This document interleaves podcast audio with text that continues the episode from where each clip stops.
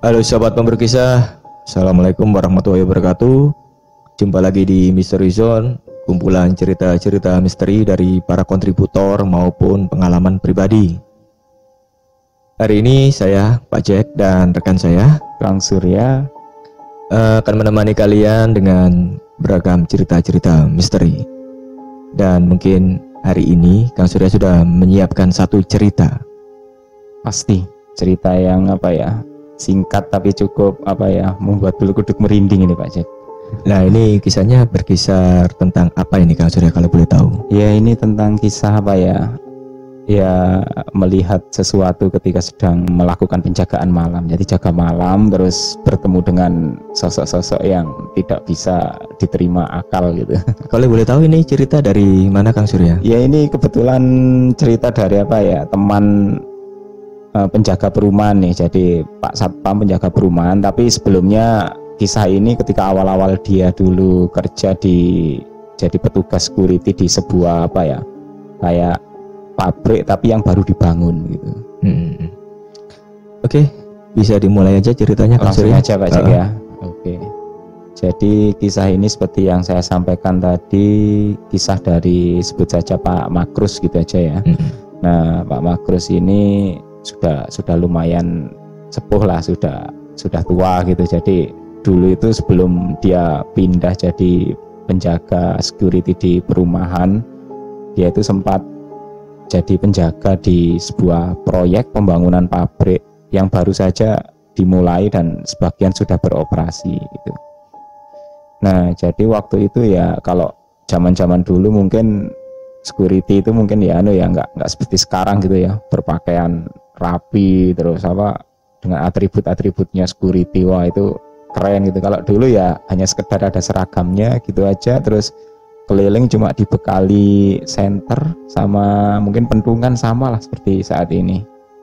Nah waktu itu Pak Makrus itu dapat giliran jaga di lokasi pabrik yang mana areal itu ada ada dua jalan jadi ada jalur utama jalur depan itu pos depan itu pos yang agak resmi ya. Jadi biasanya di situ security-nya ada ada agak banyak.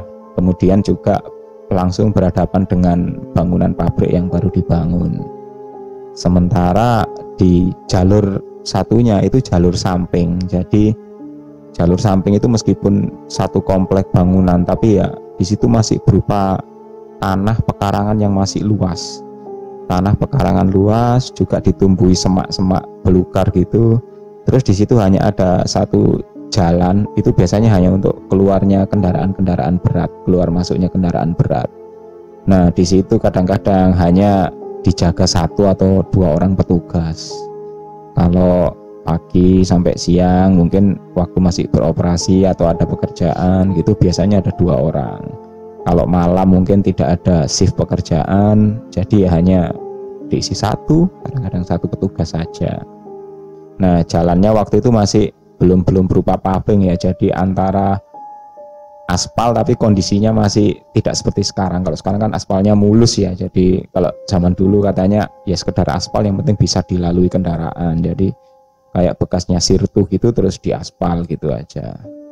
Nah pada suatu malam eh, Pak Magnus ini dapat kebagian tugas. Dia itu shift yang paling malam katanya. Jadi ya dari awal ya ada cerita-cerita sih. Memang area pekarangan situ agak angker kalau malam. Kadang-kadang juga kalau siang pun orang sering dikerjai. Jadi angkernya itu bukan bukan menakuti tapi juga mengusili katanya. Ya mungkin apa ya penghuni di sekitar situ kan masih berupa pekarangan yang luas terus juga banyak tanaman rimbunan semak-semak pohon-pohon kecil juga ada.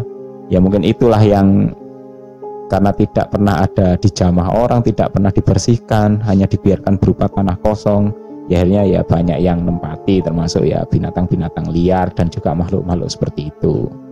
Tapi ya Pak Makrus waktu itu masih muda-mudanya ya bodoh amat mungkin dia ya. Ibaratnya selama jadi petugas jaga kalau bertemu seperti itu ya mungkin resiko katanya. Waktu itu saya tanya apakah ini anu ya resiko pekerjaan Pak ya? Bukan mas. Ini ya bukan resiko pekerjaan. Ini memang pekerjaan beresiko katanya gitu. Wah iya sudah. Nah akhirnya Pak Makrus pun malam itu berangkat dengan apa ya dengan uh, keberanian yang berlipat ganda lah. Karena memang kemarin banyak kejadian. Teman-temannya itu sampai terpaksa itu kadang-kadang sampai ngontak teman-teman di pos depan gitu. Ya yang ditakuti apalah ditakuti pocong ditakuti kuntilanak dan lain sebagainya. Ya malam itu Pak Makrus pun sudah siap-siap kalau ada apa-apa ya tinggal panggil teman-teman di depan aja waktu itu. Akhirnya dia pun berangkat sampai dengan pergantian shift dengan salah satu temannya jadi pergantian shift waktu itu kira-kira jam 9 atau jam 10 gitu katanya. Nah itu temannya ya sudah sudah kasih kode gitu. Anu di sini agak nggak beres ini seharian. Kenapa?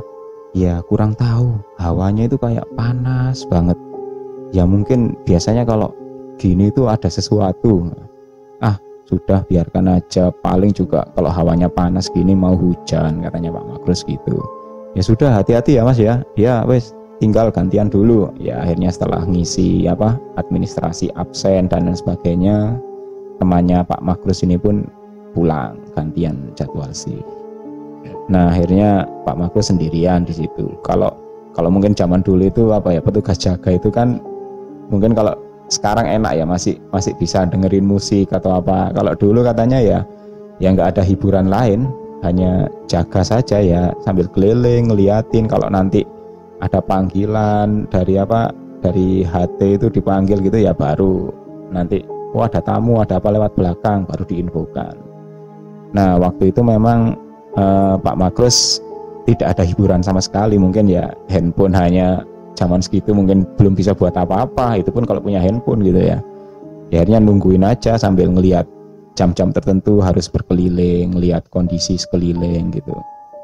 Dan biasanya memang kalau malam tertentu ada beberapa orang yang keluar masuk dari kompleks itu yang katanya itu hanya tertentu saja. Jadi misalkan satu atau dua orang yang nggak lewat depan, jadi dia harus lewat belakang. Nah pada pada waktu itu Pak Makro sempat kira-kira menjelang tengah malam itu ada salah satu apa ya, salah satu orang gitu yang dari bekerja di pabrik itu dia memang pulang lewat belakang. Mungkin karena dia bagian logistik atau apa ya. Jadi lebih enak lewat belakang dari gudang. Ya dia itu keluar dari apa dari pintu belakang menuju ke area jalur samping tempatnya Pak Magus jaga nah motornya datang kemudian dia berhenti. Pak ya kok anu ya ini polisi tidurnya kok tinggi banget ya anu kayaknya ini tadi sepeda kok sampai goyang-goyang gitu. Oh iya masa sih? Akhirnya Pak Makrus pun dekatin orang itu. Karena memang standarnya katanya kalau orang keluar masuk itu harus dicek apakah dia bawa barang atau apa. Ya mungkin Pak Makrus sempat curiga apakah orang ini basa-basi aja supaya nggak nggak apa nggak dicek gitu. Tapi Pak Makrus nggak nggak ambil pusing. Oh ya nanti saya cek aja mas anu ya seperti biasa saya cek dulu ya. Jadi dilihat semua barang-barangnya. Oh ternyata tidak ada masalah apa-apa. Takutnya biasanya pakai apa alasan macam-macam jadi terus petugasnya lupa meriksa. Eh ternyata bawa apa? Bawa barang-barang kecil dari pabrik bawa apa barang-barang bekas potongan besi atau potongan apa dari pabrik. Khawatirnya kan gitu. Karena apalagi di situ waktu itu masih dibangun bagian belakangnya pabrik itu. Nah akhirnya karena normal tidak ada apa-apa ya sudah orang itu balik. Kemudian nggak berapa lama Pak Makrus ini merasa kok aneh ya? Jangan-jangan memang benar yang dibilang tadi Wong. Biasanya di sana kan nggak ada polisi tidurnya kan kecil ini kok katanya tinggi banget. Yang dia takutkan itu apakah polisi tidur yang biasanya di bawahnya ada saluran ada pipa itu mungkin pipanya goyang atau apa sehingga apa jalurnya itu terangkat gitu wah mungkin dicek aja deh. Akhirnya gerbangnya sama Pak Magnus itu ditutup karena biasanya setelah tengah malam banget itu apa ya tidak tidak ada orang keluar lah. Jadi gerbang yang seperti portal itu katanya ditutup dulu. Kemudian dia berjalan mengecek ke arah yang diinfokan oleh orang yang baru keluar tadi. Nah pada waktu mengecek itu memang suasana seperti yang disampaikan teman shift pertamanya tadi. Jadi suasananya seperti panas, seperti gerah gitu. Padahal ini sudah hampir tengah malam gitu. Dan juga anehnya biasanya banyak suara serangga gitu ya. Kok ini sepi-sepi aja gitu. Akhirnya Pak Makro sambil berjalan nggak jauh sih dari posnya tempat jaga dia di pintu samping itu. Dia melihat kok memang ada semacam gundukan gitu ya. Jadi di aspal itu yang biasanya diberi garis-garis putih itu polisi tidurnya itu di situ memang ada. Tapi kok ukurannya kayaknya tinggi banget itu. Yang biasanya hanya beberapa senti ini terlihat itu seperti kayak apa ya tong besar tong separuhnya lingkaran itu yang memanjang mulai dari sisi kiri sampai sisi kanan jalan kurang lebih 4 meteran. Nah Pak Makrus juga heran, loh ini sejak kapan ada polisi tidur sebesar ini? Terus juga kapan ngecatnya kok warnanya sudah belang-belang putih ini? Didekati sama Pak Makrus. Senternya pun semakin dekat, semakin dekat diarahkan ke sana. Dan anehnya ketika Pak Makrus mungkin sudah hampir 4 atau 5 meter mendekati posisi polisi tidur itu, tiba-tiba kayak bergerak jadi polisi tidur itu bergerak dan bergetar. Dan tahu-tahu apa ya, sosok yang polisi tidur itu seperti seolah-olah bangun. Tapi bentuknya bukan seperti garis-garis putih lagi. Jadi bentuknya itu seperti putih memanjang terus apa ya? Mukanya itu kayak semacam memakai bedak gitu. Jadi kayak orang yang tingginya hampir 4 meteran, pakai jubah putih, terus mukanya itu kayak dibedai tebal gitu matanya itu merah dan dia cuma berdiri aja sambil bergoyang-goyang di depannya Pak Makrus ya Pak Makrus mungkin karena sudah apa ya sudah kaget dan dan juga bingung ya sudah tidak bisa berbuat apa-apa.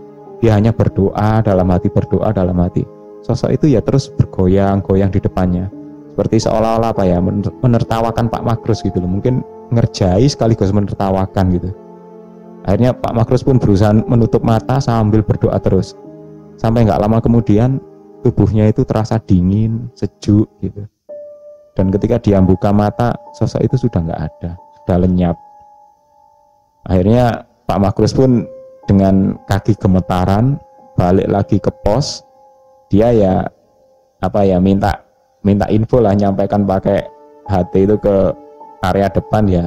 Infonya sih nggak nggak habis ditakuti atau apa cuman satu katanya tolong dong bawakan minuman kopi ke sini gitu kenapa nggak apa-apa ini agak jantung agak berdegup capek katanya gitu ya mungkin seperti itu kisahnya Pak Jan kemungkinan besar uh, sebelum dibangun lokasi itu memang tempat mereka Kang Sur ya bisa jadi Pak jadi ya karena memang apa ya mungkin area seperti itu kan dulunya juga tanah kosong hmm. atau mungkin bekas tanah pekarangan tanah kebun atau apa kan dan juga. mungkin juga nggak apa ya namanya e, mereka merasa terganggu ya aktivitas-aktivitas seperti itu jadi mungkin ya dari situ mungkin timbul keusilan mereka ya ya selama keusilannya hanya menakuti saja enggak apa-apa tapi kalau keusilannya membuat orang motoran sampai hampir jatuh kan juga iya. bahaya. Gitu. Tapi itu lokasi di mana Kang Sir? Ya itu di area Jawa Timur aja. Area Jawa Timur. Dan di tahun-tahun sekitar? Ya tahun mungkin sekitar 15 tahun lalu lah Pak Cek. Hmm. 10-15 tahun lalu. Oke Kang Surya, terima kasih Oke, telah membawakan kisah dari Pak Security tadi, Pak iya, Makrus ya. Pak Makrus, ya. Mm -mm.